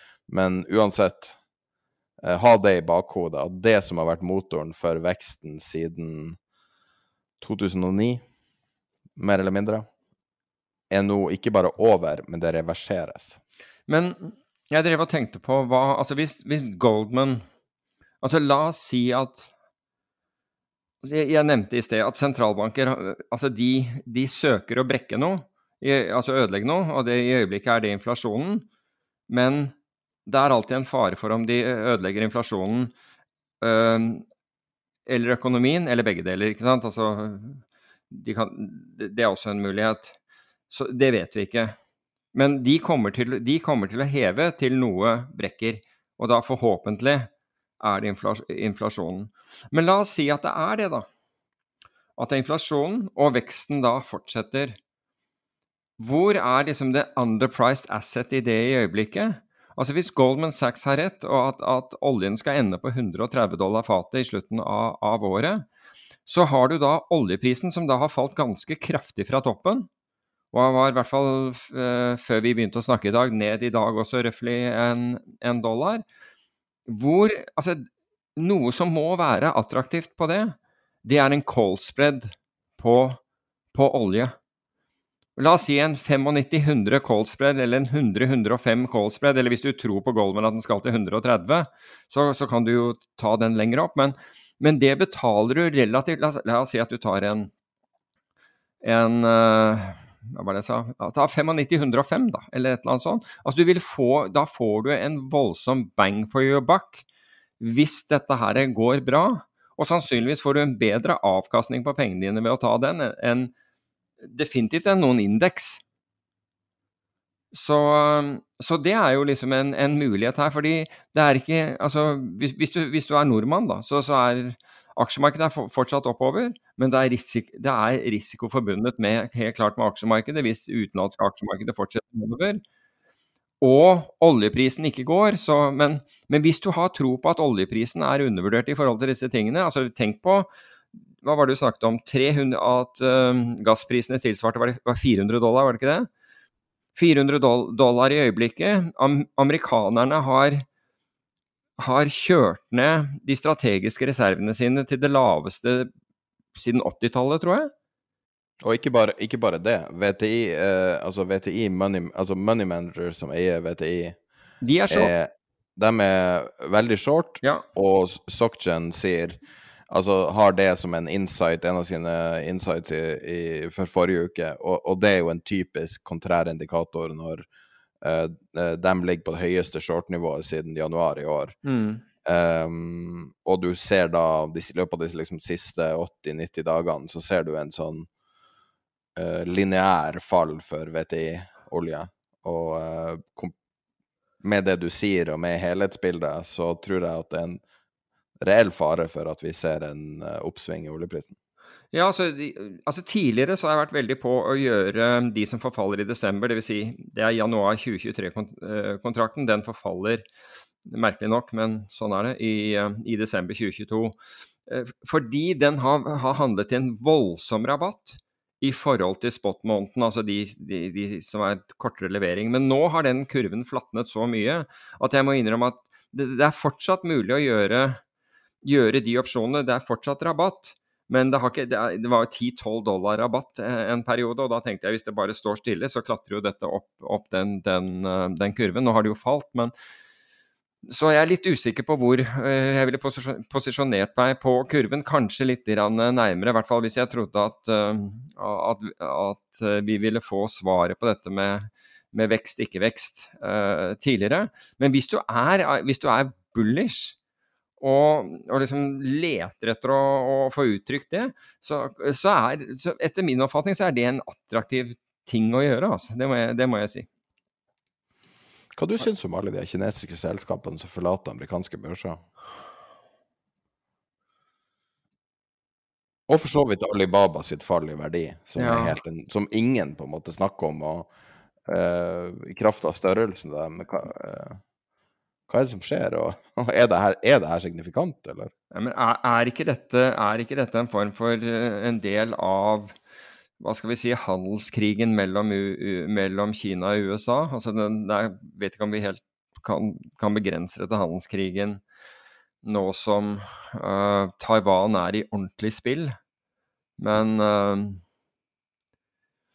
der, eh, altså, apropos det geopolitiske, nå sender kineserne tropper til, til uh, Russland for å delta i øvelse sammen med dem. og Det er, det er litt slitsomt der ute for tiden. Altså, så den, den, globaliserte verden den har blitt vesentlig mindre globalisert i, i år. Det er iallfall helt sikkert. For nå er det langt mer Nå er det langt større avstander, føler jeg, mellom, uh, mellom, mellom blokkene. Og det skal jo ikke Nord-Korea var ikke Nord-Korea som tilbød jo, det nevnte vi forrige gang. 100 000 tropper til, uh, til Russland til bruk, bruk i Ukraina. Um, så det er, det, er, det er, mye som kan skje der ute, for all del. Og... Det er også veldig vanskelig å spå framtida. Det har jo selvfølgelig alltid vært vanskelig. Men uh, i år er jo mange ting som blir trukket fram som veldig store begivenheter. Mellomvalget i november i USA i, uh, har jo blitt sett på som en en sånn markør for veldig mange ting. Også da Ukraina, også Kina. altså det her tingene spiller jo veldig inn direkte i økonomien. Eh, så da er det jo signifikant å få med seg at eh, republikanerne har ikke mer penger å kjøpe reklame for. Um, så det er en kontrovers i en av de superpackene som, som de bruker for å, å finansiere, finansiere reklame. Masse penger som er borte. Og de nå, eh, altså valgmessig nå, så ligger eh, demokratene an til å vinne mellomvalget i Senatet. Mm. Og republikanerne tom for penger. Så det er jo signifikant i seg sjøl at, at, det som veldig mange så på som en absolutt sikkerhet, at uh, det kom til å være et totalt skifte politisk i USA i november, i likhet med alt annet, er i spill. ja, altså Trump var jo nylig, men det var jo om penger til, til Han ville ha det Det var jo Eh, for å kunne bekjempe myndighetene for seg selv. Da. Men han ba jo i forbindelse med raidet på Mar-a-Lago, så gikk han ut og ba, eh, ba, ba sine støttespillere om, om, mer penger. Men det her er ikke hans supermakt? Nei, det forstår jeg. Det her er den republikanske, og ja. de gir forklaringer. Altså de vet ikke hva som er årsak. Det er en leder som blir stått tvil om uh, um, om han har handla helt etisk, og i tillegg så sier de at, Trump har salta jorda med så mye reklame, altså med så mye si, tigging, da. At uh, det er vanskelig for dem å få mer penger. Men uansett, interessant. Jeg vet ikke om penger Hvordan betyr noe. Hvordan går Truth Social, forresten? Uh, aksjen? Nei, ja, jeg tenkte hvordan går det prosjektet? Um, jeg syns det har stabilisert seg, og, og altså ut fra sånn uh, kulturelt så vokste det. Aha kulturelt så har det fått en plass. Jeg hører men, ingen referere til det, det er derfor. Er referer, man hører jo referering til det Trump skriver en sjelden gang. Sånn at sånn sett har det jo, har det jo fått en rolle kulturelt, men Men står han opp klokka tre om natta og dundrer løs på den, eller? Jeg vet, jeg vet ikke. Folk ser, du ser jo bare screenshoter på Twitter. OK, jeg har så... ikke sett dem. Jeg følger ikke de feedene, tenker jeg. Så... Men, men jeg syns bare det er interessant å gå tilbake til hvor vanskelig det er å spå fremtida. Mm. og at uh, det er så mange som er så skråsikre. Uh, hvis du ser på linje 36 på regnearket vårt, så er det uh, analogs, det man bruker, man, eller mange i finans bruker for å se på hva skal skje neste. Så ser man på f.eks. hva skjedde i 1929 og hva skjedde i 1987 og sånn. Mm. Og så legger man det over nåtidas aksje eller nåtidas indeks, og så sier man det her er det som kommer til å skje neste. Og det artige er jo at du kan jo få alt til å passe med nesten alt. Ja, for alt, alt hadde jo en signifikant høy korrelasjon. Ja. Den som hadde og, høyest korrelasjon, det, det, den var definitivt bearish, men uh, Og basically, du kan, du kan få aksjene til å, eller indeksene til å peke hvor du vil. Ja. Og det viser igjen du kan ikke spå framtida. Ingen kan spå det. Men du kan bygge opp en sak, sånn som du snakker om oljen kan styrke seg, og så ha, henter man flere og flere støttespillere altså sånn, uh, i argumentasjon. Men du kan ikke vite. Selvfølgelig kan du ikke vite. Men du hadde jo Hadde ikke du noe om uh, forskjellige typer edgy trading? Jo, det kan vi snakke om. Um, vi kunne jo avslutte uh, med, med, det, for det var jo ja, ganske var interessant. Um, det var en Twitter-bruker som hadde lista opp de det han mener er fire forskjellige edgene du kan ha. Altså en, kan du kalle det en urettferdig fordel? Eller fordel, du kan vel kalle det Ja ja, om det er urettferdig eller ikke, det får noen vurdere. I, I næringslivet kaller man det unfair advantage. og okay. Det betyr en eller annen fordel du har som alle ikke har, derav unfair. Men eh, det er noe du alltid søker. Så hvis du vet noe, f.eks. Det enkle er jo da hvis du er politisk aktiv og du vet hva som skal bli stemt i en sak, så har du en veldig stor urettferdig fordel. Men de fire fordelene de eh, lister opp, er access, speed, information og analytics. Du kan ta uh, hver av dem. Ja, så jeg, jeg ville jo lagt til et par, men det kan vi ta Ja, hva du vil ha, da? Ja, så jeg ville tatt disiplin og, og, og tålmodighet. Ja. Altså, altså discipline and patience til det der. Fordi, for jeg mener, jeg mener helt al alvorlig at det er, eh, er, en edge. Men vi kan jo gå gjennom, da. Ja, skal vi gjøre det. Access.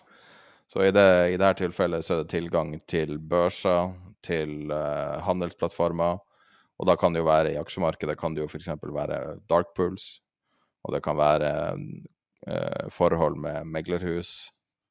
Det kan være forhold til banker. Det kan være mange forskjellige ting. Ha, har du sett noe forskning på hvor mye alfa, hvor mye meravkastning sånne ting kan gi, da? Nei, jeg har ikke det. Men jeg, men jeg, husker ikke om det var Alex Gurko, altså sjefen for XTX, som sa dette i forrige uke, eller om det var noen andre. Men han sa det smarteste egentlig du gjør, er å gjemme deg.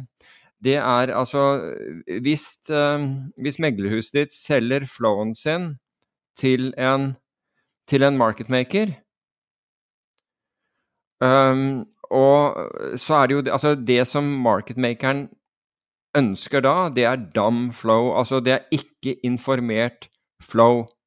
Så hvis dette meglerhuset er kjent for ikke-informert flow, så er det beste hvis du, hvis du er smart, er faktisk å, å, å, bruke det meglerhuset og gjemme deg blant de kundene, slik at du får gode priser. Fordi da får du de beste prisene. Det Er ikke nøyaktig det terrorister gjør når man skal kommunisere? jo, men det er ingen samlinger for øvrig. Altså, poenget er at hvis Altså, det er jo slik i dag at hvis du vet at, at motparten din er informert, så er du ikke villig Altså er, er smart, så stiller du vedkommende en dårligere pris enn en som, en som ikke er det, for å si det på den måten. For, eks, for eksempel da, da, jeg var, da, da jeg eh, var i Finansbanken, og vi kalte opp UBS eller en av disse og ba om pris, så var ikke vi en informed player.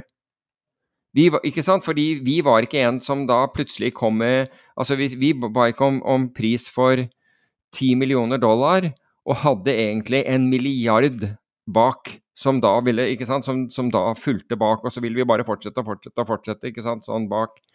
Fordi vi var ikke store nok. Det gjorde at vi fikk gode priser overalt, for vi var, vi var ikke noe, noe, trussel.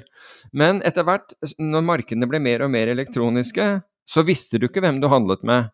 Da, visste, da var det ingen som kalte deg opp på Reuter-dealingen eh, som du så. Ok, det er FBNO som var eh, Finansbankens eh, eh firesifret, eller fire eh, bokstav, firebokstavkode på, eh, på, på Reuter. På, på, på den elektroniske handelen så visste du ikke hvem du handlet med før etter at du hadde handlet. Og det gjorde jo at det var vanskeligere da å for, for dealerne å, å, finne ut hvem det er som, som, som, kommer. Men det fant de ut med en gang dealen ble gjort. Så det de gjorde da, var å ekskludere de smarte. Og noen venner av meg, de, de som, som, både var og er innenfor high frequency trading, de ble ekskludert, bl.a. av Morgan Stanley. Fordi de var de, Altså, de, de, var ikke, gjorde ikke noe ulovlig, men de var raske, og de var gode til å regne. Og de, og de laget gode algoritmer, de var raskere enn dem. Og du tenker at du handler i et marked hvor det gjelder å være først og alt mulig sånn, og, eh, men her var det visst da, da, ble handelen refusert. Så, så, du kan si at markeds... Altså, aksess er viktig. Og hvis du tenker på det, så I dag kan også retail-tradere. Altså hvis du er retail-trader og, og, ønsker å handle futures i, i, USA, så er ikke det noe problem. Og du kommer akkurat i den samme køen som Morgan Stanley, Goldman Sachs og Fidelity og hva som helst. Er du foran i køen, så handler du først. Så enkelt, så, så enkelt er det. Så det er en veldig sånn demokratiserende greie. Så du kan si at aksessen, det at vi kan dra opp uh, hvilken som helst børs på vår laptop og handle, bort, bortimot hvilken som helst. Um, forskjellen ligger jo i det vi, det vi betaler i, i kurtasje, men vi får aksessen. Men speed er selvfølgelig en Så, så du kan si at aksess syns jeg er blitt demokratisert, Men noen bruker det fortsatt. ikke sant? Altså Hvis du må gå via, via, via, så tar det lang tid før du får, får handlet. Men du trenger egentlig ikke det, fordi selv småsparere kan, kan åpne konti med amerikanske meglerhus og handle direkte på futurebørser hvis de vil, og ha penger. Når det gjelder hastighet, så er det klart at der har noen en fordel. For de, de har helt opplagt en fordel. Og sitter du i Norge, så sitter du ganske langt fra fra matching uh, engines. altså Tidligere så var matching engine til Oslo Børs den var i London. Jeg er ikke sikker på hvor den er i øyeblikket. Uh, er den i Frankfurt, eller, eller, hvor er den nå? Jeg er ikke sikker. Whatever. Men Nei, London fortsatt. Ok, og, men i hvert fall der, der, i forhold til de som er i London, så vil du være, være, være, være, sent ute. Og i forhold til alle som har direkte dataforbindelse og algoritmer, så, vi, så, så når du klikker, så, det, så går det ikke fort nok. Men da må du Altså, du må jo tilpasse deg, og det er det mennesket er god på, og det Darwin påpekte. Det var den som, den som overlevde, var den som hadde evnen til tilpasning. Så, så lenge du ikke tror at du skal være raskest, slik at du sitter med, med liksom pekefingeren din over tastaturet, klar til å trykke på tasten altså, Hvis du ser det tallet du skal handle på, så har datamaskiner sett det tusen ganger før deg. Og, ikke sant? Så, og, vi, og, og, vi og, vi, tar, fra deg, eh, tar fra deg den, den handelen hvis de så, så, ønsker. Så speed kan du ikke gjøre noe med. Altså, da må du bare si at 'jeg kan ikke være det'. Jeg må, jeg må la ordren min ligge inne. Jeg må ta sjansen på jeg kan, jeg kan ikke prøve å handle på base av hastighet. Det kunne jeg før i tiden. Det kan jeg ikke nå. Ferdig. Game over, rett og slett. Det koster for mye å sette opp uh, egne sånn uh, mikrobølgetårn og, og sånn, og det kan du glemme. Informasjon også blitt demokratisert i stor grad. Altså, til, til, da jeg kom til markedene, da var det noen få eh, informasjonsleverandører som, som leverte børsinformasjon. Og før det så hadde du tickertaper. Den var jeg aldri borti. Altså når, når, når, folk sto inne i meglerhusene og det, og det, det, det kom på, på, en, på, en, på en papirremse. Og det gjaldt å, å, å, se den papirremsen, altså stå, stå, nærmest der hvor printeren uh, sto. Så, men i dag så kan du få Altså veldig mye fins på internett enormt kan du få gjennom Twitter og disse forskjellige eh, finansielle applikasjonene som finnes på, på, nettet, og mange av dem De aller fleste er nok, er nok gratis. Så, det, det, så det, kan, det, er også blitt de, demokratisert. Men igjen så, så, så, kan du ikke slå de som har tilgang til speed, altså den før der, fordi de leser de, har, de betaler for å lese dette digitalt. Og når de leser det digitalt, så, så responderer maskinen deres umiddelbart. Altså på under mikrosekundet så, så, så eh, responderer, eh, så, responderer maskinen deres til. Så hvis det er, hvis det er grensesprengende eh, nyheter eller annonserte nyheter som kommer liksom sånn type klokken halv tre noen ganger i uken fra USA, så er disse maskinene De leser fortere. Altså de leser mye fortere enn det du gjør, for du skal jo tross alt Det skal til Norge. Altså signalet altså La oss si at denne kommer fra et nyhetsbyrå i, i, New York eller Chicago, eller et eller annet sånt, så skal den hele veien til Norge. Det tar noen millisekunder å komme til Norge.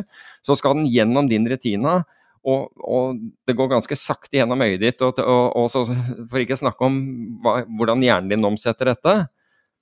Og så skal da signalet gjennom nervesystemet til, mus, til, til muskulaturen din til liksom du, du trykker på en tast, og så sendes da dette elektronisk tilbake igjen, hele veien tilbake dit for, for, å, for å få handlet. Du er ikke den raskeste.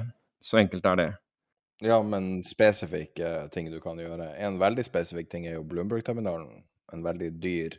Ja, ja. Eh, I kraft av at prisen er så høy, så begrenser det hvem som har tilgang til det. Ja. Men det finnes, i 2022 finnes det alternativer også der som er ganske bra. Ja. Så du har en open source-versjon av Bloomberg-terminalen som heter OpenBB.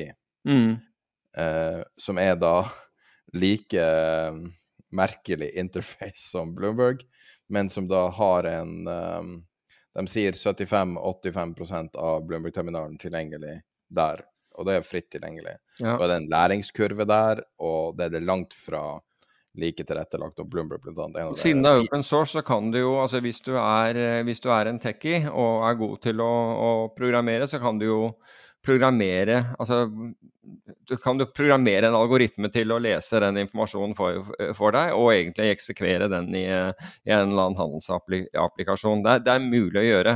Men poenget mitt er at de aller fleste klarer ikke å gjøre det. Men jeg vil jo si at informasjon er blitt demokratisert. Men det har sine ulemper også, for nå reagerer vi alle omtrent samtidig på den samme informasjonen, istedenfor at den blir fordelt utover minutter og kanskje timer som var tidligere, da.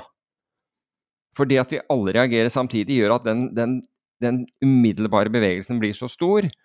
Og, og de som da stiller priser, nemlig marketmakerne, de som skal stille kjøper- og selgekurser, de, de trekker ut prisene sine akkurat til det kommer. Slik at hvis du forsøker, liksom, hvis du har en stopplåsordre tett inntil hvor, hvor markedet var før, og tenker at ok, markedet er 103, og hvis det faller til 101, så skal jeg ut, så kan du risikere at du kommer ut på 91 eller 87 eller, eller verre. Fordi det er tomt et øyeblikk, og da, da vil den stoppordren din, som er da plutselig omdannet til et market order, den vil treffe den første prisen den kan nede, nede i gata. Så ikke alt er eh, Men, men det er de demokratisert. Og det samme er jo Analytics i dag. Men det er klart at der har, der har man noen fordeler. altså Bare for å se Apropos dette med Analytics. Det, en, det er en sak for så vidt som verserer fortsatt.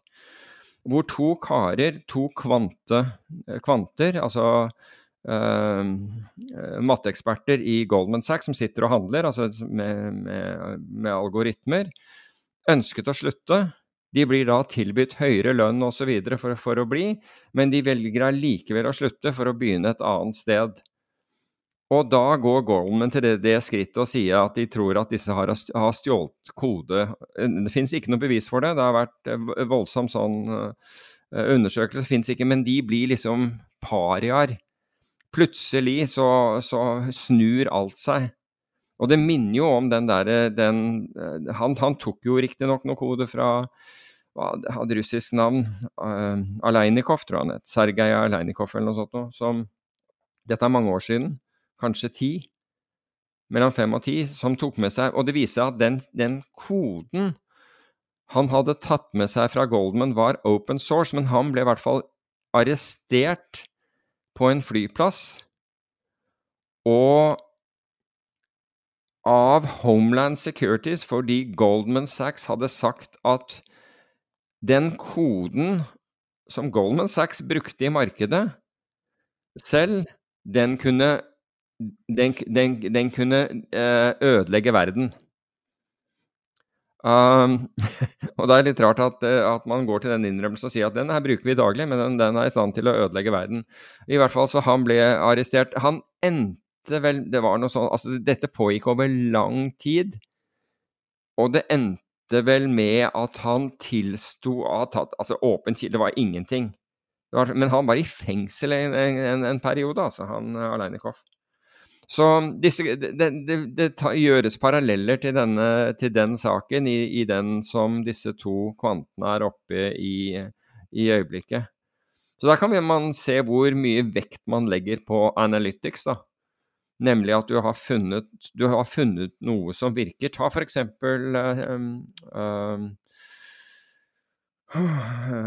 verdens, mest om, verdens mest kjente hedgefond, si, verdens mest suksessrike hedgefond, som nå står helt stille i hodet mitt. Medallion Fund. Medallion, thank you. Um, Rentec.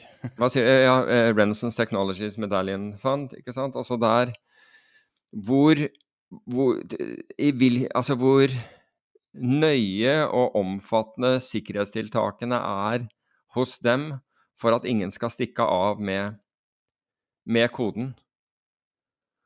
Og tenk deg, det er verdens mest suksessrike investor. Det er ingen som har tjent like mye som hedgefondet i prosent, eller like mye som hedgefondet uh, Renaissance uh, Technology Medallion Fund. Det er ingen i nærheten. Jeg tror det er over 60% årlig avkastning som de har hatt.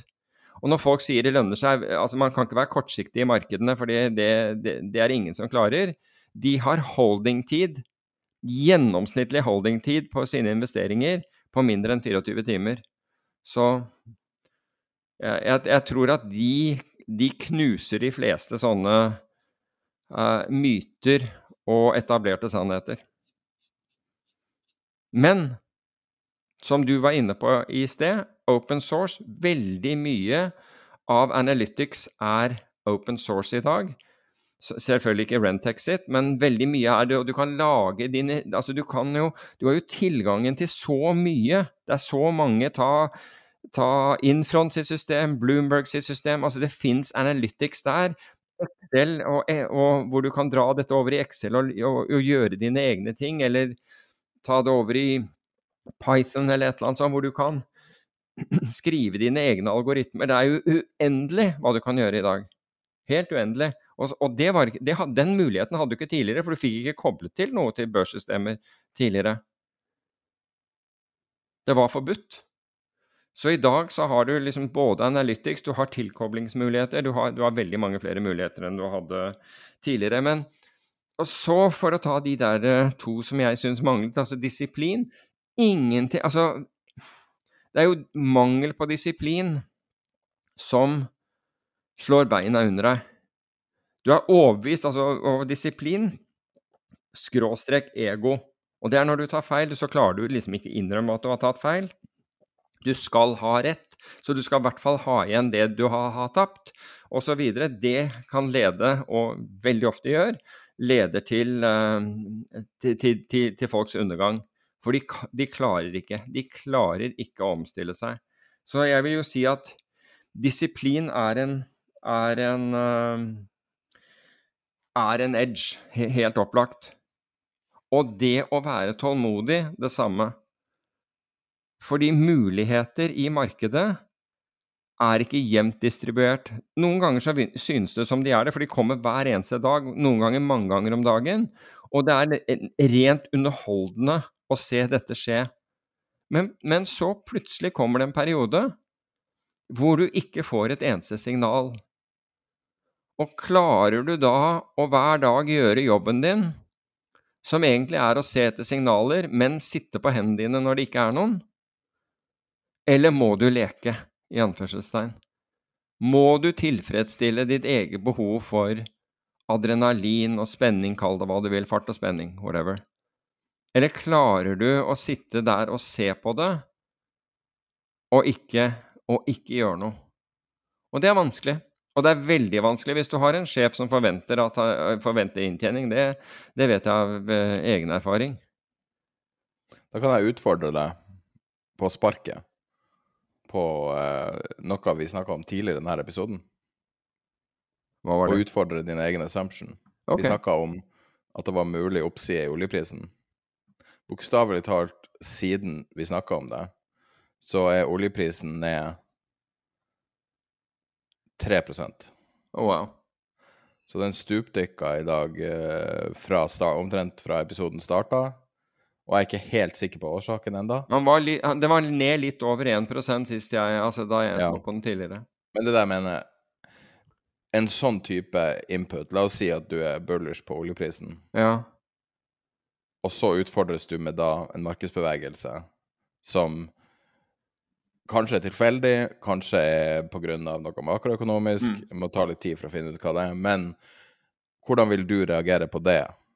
Her er jo da en real case study. Jo, men altså min, min, min påstand, om du vil, altså det, den er jo Eller den Det jeg ønsker å, å ta høyde for, det er, er at ting blir bedre enn en jeg, jeg, tror, og at, at det, det, fortsetter å være vekst. Og i tilfelle det fortsetter å være vekst, så vil det være behov for energi. Så det er liksom utgangspunktet mitt. Jeg vil bruke den til å, til å kjøpe, men, men, legg merke til hvordan jeg hadde tenkt å posisjonere meg, og det var gjennom en call spread, som vil f.eks. si at jeg kjøper 90 call og selger 100 call mot det. Uh, hva er det jeg gjør med, med, med, det? Jo, jeg betaler da differansen mellom disse to, for jeg kjøper den ene opsjonen, og så, selv, og så, utsteder jeg den andre. Jeg får ikke noe margin-krav på den, jeg får bare den premien som jeg, jeg, som, som jeg må betale for, for, denne posisjonen. Det er også alt jeg kan tape. Så hvis det blir blodig gærent i markedet. Hvis nå september og oktober blir horribel, og markedene går i tailspin, og veksten faller, og troen på at vi kommer til å ha behov for uh, fossilt drivstoff, liksom, eller i hvert fall behovet blir, blir mindre for det, og dette stuper til 60 dollar, så alt jeg risikerer å tape da, er den premien. Jeg trenger ingen stopplås. Jeg trenger ikke være bekymret for at jeg våkner en morgen og gulvet er borte. Jeg vet nøyaktig hvor mye jeg kan tape. Det er liksom måten jeg, jeg vil bevege meg inn i den traden på. For jeg vil ha den komforten at jeg trenger ikke å se på markedet hele tiden og tenke at når det går ned Å, herregud. Liksom, å, å, shit, nå gikk det en halv dollar til. Nå gikk det en dollar til. Tre! Ikke sant? Altså, hva gjør jeg nå? Altså, den fortvilelsen Jeg ønsker ikke den. Jeg ønsker å vite nøyaktig hvor mye jeg har et risk. Og den premien vil kun være borte når disse opsjonene da en gang forfaller. Og hvis det er i, det er i desember 22, ok, da, da, har den en verdi frem til da. Den kan være mye mindre enn da jeg kjøpte den. Den kan være null på det tidspunktet. Men det, det, jeg vet nøyaktig hvor tapet mitt er på forhånd. Og tenk deg på de som satt i oljemarkedet da den gikk negativt med 37,6 dollar. Altså, det jo, altså, for det første er det jo helt utenkelig at, markedet, at oljemarkedet skulle gå i minus. Altså, når du snakker om det utenkelige men Vi snakker om strømmarkedet er utenkelig. Men prøv å se for deg at oljemarkedet skulle gå i minus. Um, da Altså, det var en katastrofe for mange når det, når, når det, skjedde. Altså hvis de da, hadde, hvis de da satt liksom Nei, jeg tar ikke tapet, det kan ikke gå. Det, nå, er, nå, er den, nå, er, eh, nå er oljeprisene én dollar. Den går ikke lenger ned enn én dollar, og så taper du 38,6 dollar til før det liksom er, er over. Da det er, det er, sånne ting jeg ønsker å unngå. Jeg, jeg, jeg, og jeg ønsker ikke engang å komme i en sånn situasjon hvor, eh, hvor pulsen er eh, rundt 170. Um, noe som gjør at uh, mitt, mitt, perspektiv er snevret inn. Min kognitive capability er, er, er, likt et sugerør. Altså er bare et skrumpet inn for, rett og slett pga. sjokkeffekten og all, alt som skjer rundt. Og jeg skal prøve å fatte en, en beslutning da. Nei takk. Jeg vil heller ha det noenlunde komfortabelt kan være at jeg har fattet feil beslutning, feil trade og alt mulig sånt, men jeg visste nøyaktig hva jeg gikk inn på, og jeg visste nøyaktig tapet. Ja, apropos det, da.